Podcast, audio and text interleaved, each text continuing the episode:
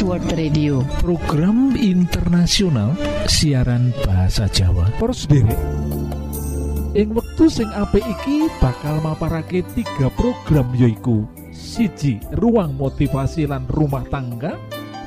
Loro ruang kesehatan. Lan telu ruang firman Allah. Kita pracojok program iki bakal jadi manfaat jadi berkah kagem kita kabeh. Para monggo monggo sugeng mirengaken program pertama inggih menika ruang motivasi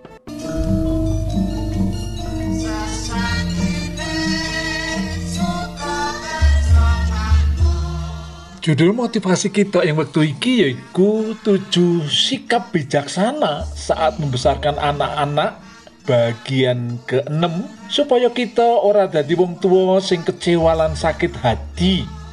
Para selirik, ora ono wong tua sing ora duwe pengarep-arep utawa harapan untuk anak-anak el. Pada masa kecil kita berharap sebagai orang tua supaya anak-anak kita itu bertumbuh kanthi sempurna sehat rohani, fisik lan mental. Kita uga berharap dheweke bisa sekolah kanthi apik lan duweni prestasi sing apik ana ing sekolahan.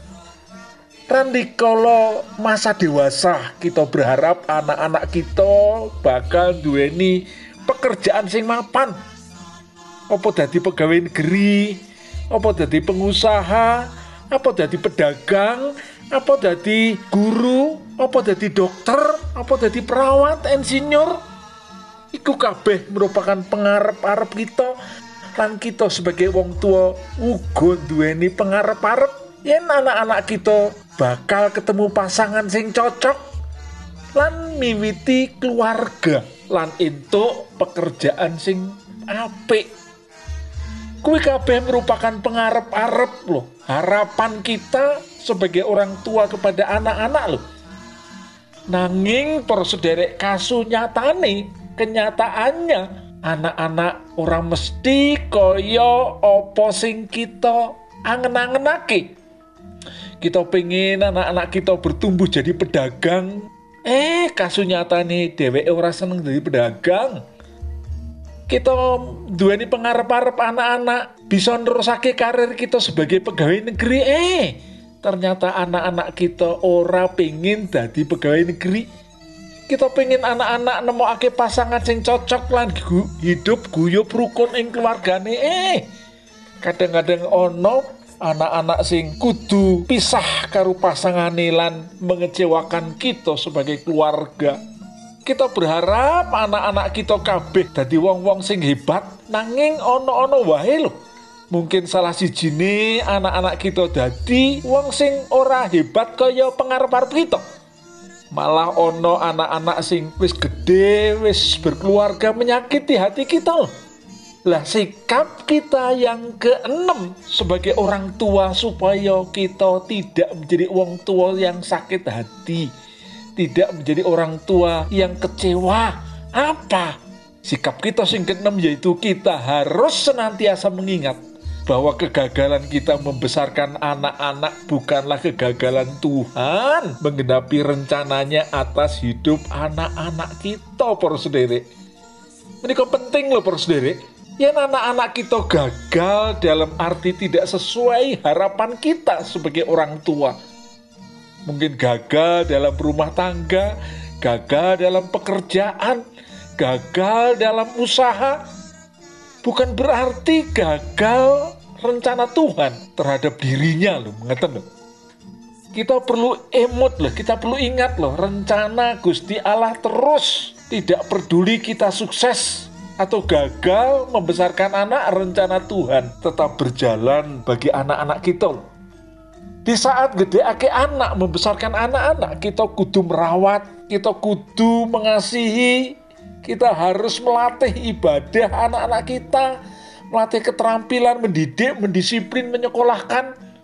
Kabeh mau kita usahakan yang paling apik yang terbaik sing kita bisa buat sebagai orang tua.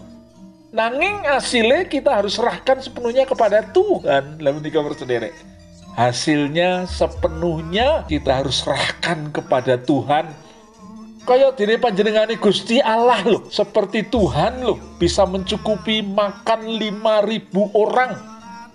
Kanti roti lima ketul lan dua ekor ikan loh.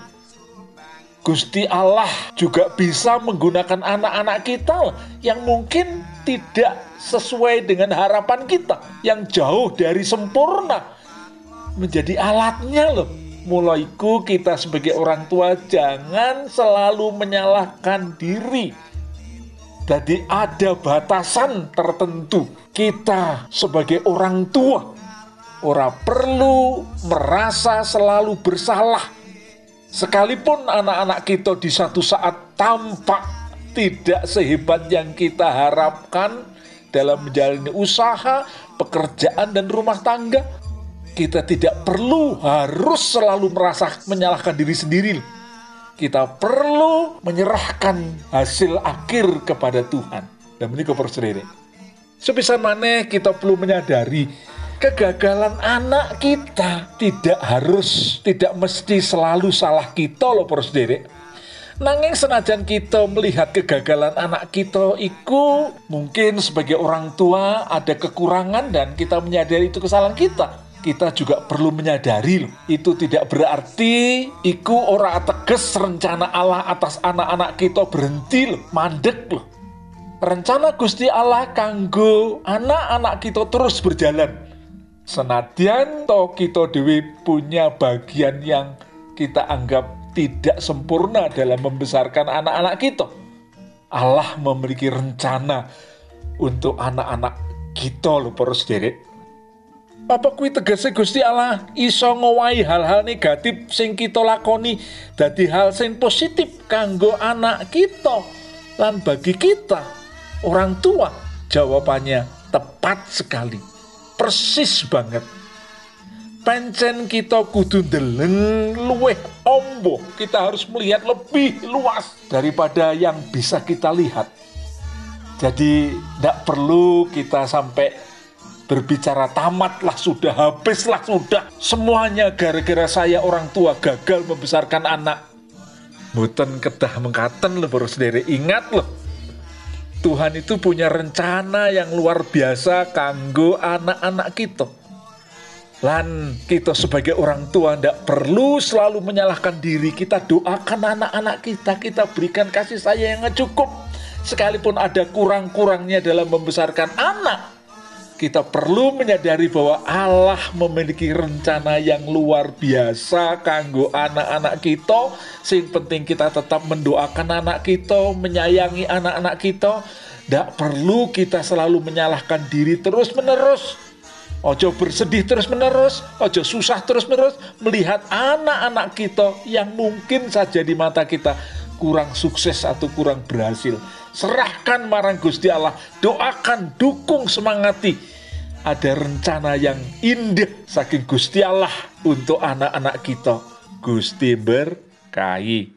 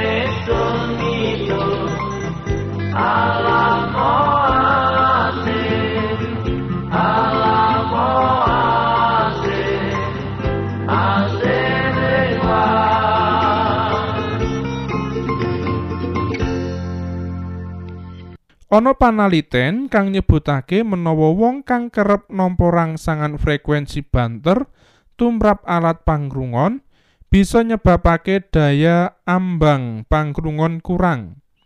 Sawenehe wong mau ora bisa mbedakake frekuensi kang alus. Amarga biasa krungu frekuensi banter abot kang dhuwur mula nilai ambang kanggone pangrungon suda. Miturut panaliten para pemusik rock rata-rata pangrungone suda amarga kerep nampa rangsangan saka musik kang seru utawa banter.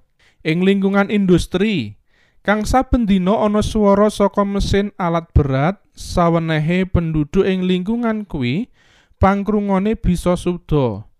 Kahanan mangkene iki wis nate katliti ing Amerika Serikat lan Jerman. kang nyebutake menawa anane frekuensi swara kang dhuwur wong tambah gelisah ora gampang turu lan nilai ambang pangkrungone bisa kurang. Kahanan lingkungan kita tumrape pangkrungon pancen ana watese. Menawa wates mau dilanggar alat kita bisa kaganggu. Gangguan kang paling ala ya kuwi ing pangkrungon Dene kang parah bisa nyebabake gangguan tumprap kajiwan. Bab kajiwan mau ana gandenge karo masalah lingkungan lan ing fungsi alat tubuh liyane. Kahanan iki bisa dideleng marang kewan pacoban. Ing peternakan kang cedhak karo berbekan swara bising, para pemilik ternak ayam padha sambat menawa produksi endoke ayam mau kurang. Dadi menawa kahanan iki digandhengake karo kahanane wong, bisa uga wong mau keganggu fal badane. Ananging amarga kahanan mau durung menehi pengaruh kang cetha, dadi ing manungsa kahanan mau ora katon. Sapa weruh amarga ana ing kewan mau bisa menehi pengaruh marang wetune endok, tumrap manungsa bisa uga kahanan pencemaran lingkungan saka swara mau nyebabake gangguan ing bab wetune ovum. Menawa kahanan ing kewan mau bisa sithik derajate, mula saka kuwi pancemaran pangkrungon sanajan kaya ngapa kudu oleh kawigaten. Ing kahanan saiki bab kang kaya mengkono mau durung oleh kawigaten. Nanging amarga anane industri-industri lan liya-liyane maneh bisa uga ing dina sateruse bakal ana pengaruhe pencemaran swara tumrap lingkungan kita kang nyebabake gangguan marang kasarasan kita.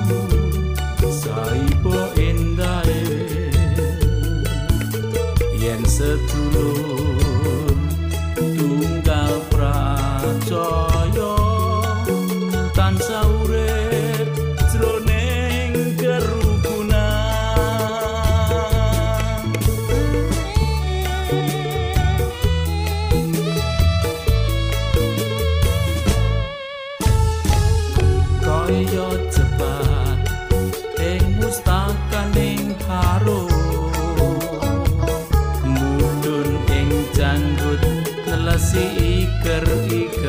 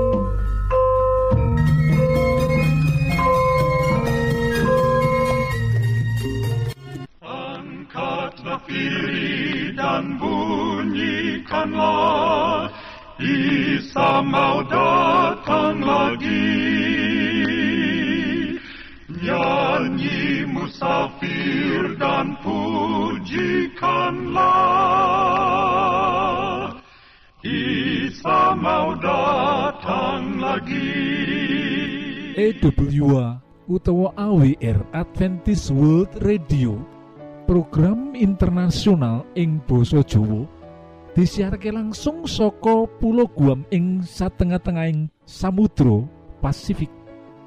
Poros derek ing wektu sing apik iki monggo kita siapkan hati kita kangge mirengaken firman Allah.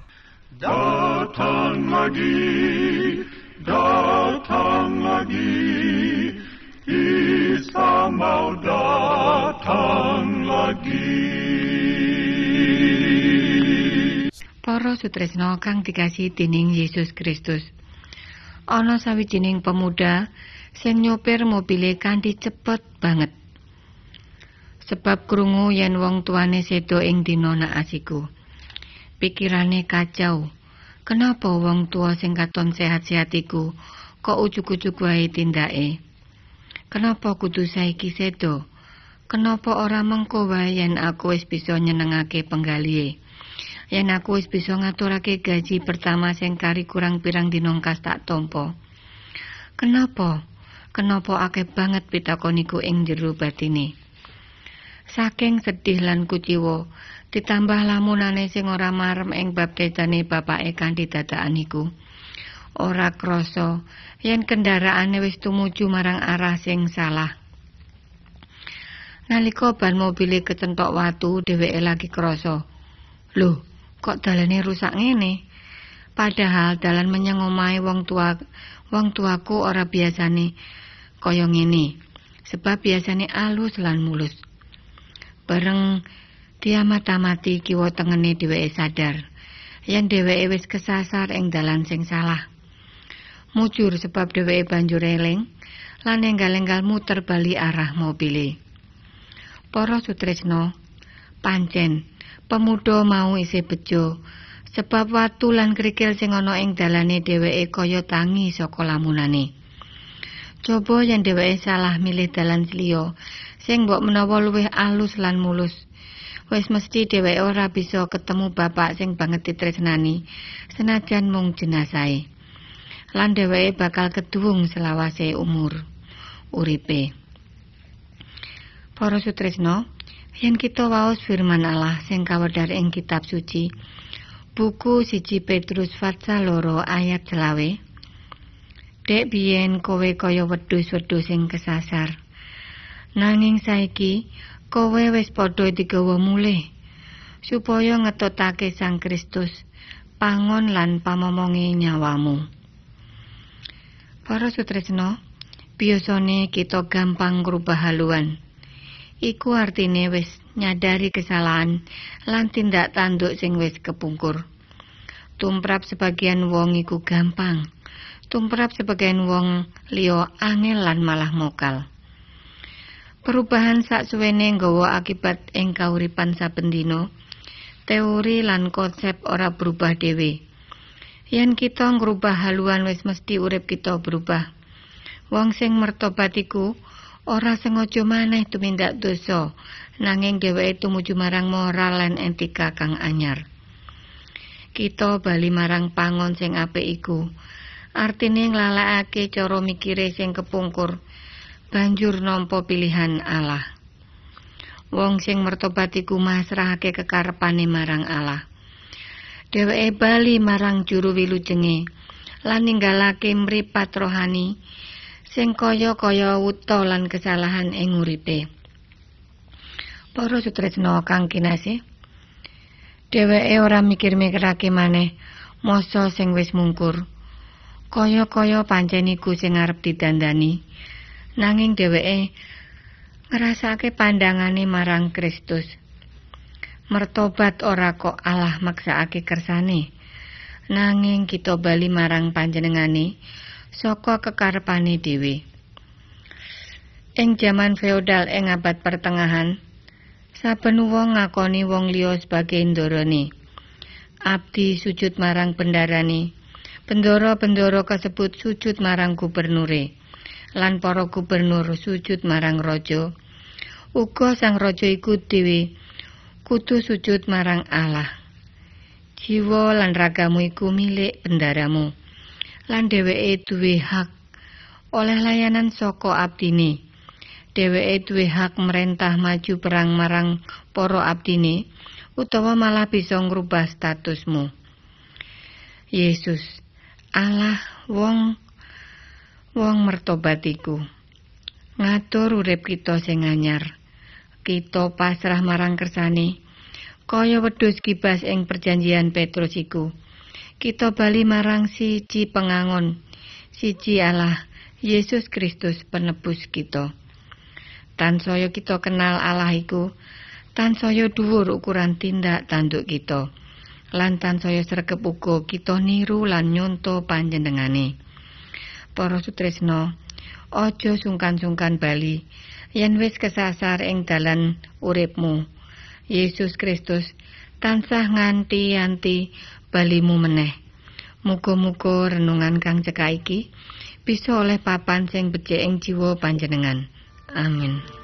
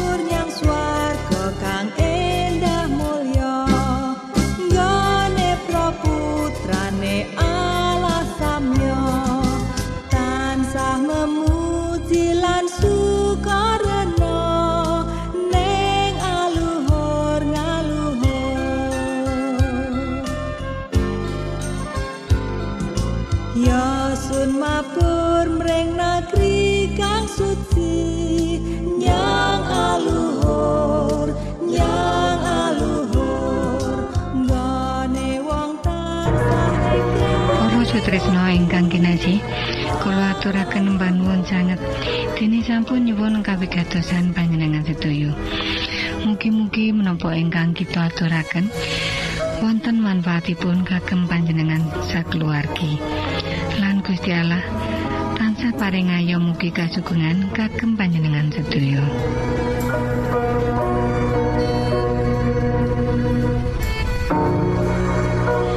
Kita ingkang tugas jagi wonten studio nyuwun pamit badhe mundur. pilih wonten pitaken-pitaken utawi unjuin atur masukan-masukan lan menawi panjenengan gadah kepengingan ingkang lebet badhe sinau ba pangantikaning Gusti. Lumantar kursus Alkitab tertulis Monggo. 3 Advent suara pengharapan PO Box wolu enol songo enol Jakarta setunggal kali wolu setunggal 0 Indonesia.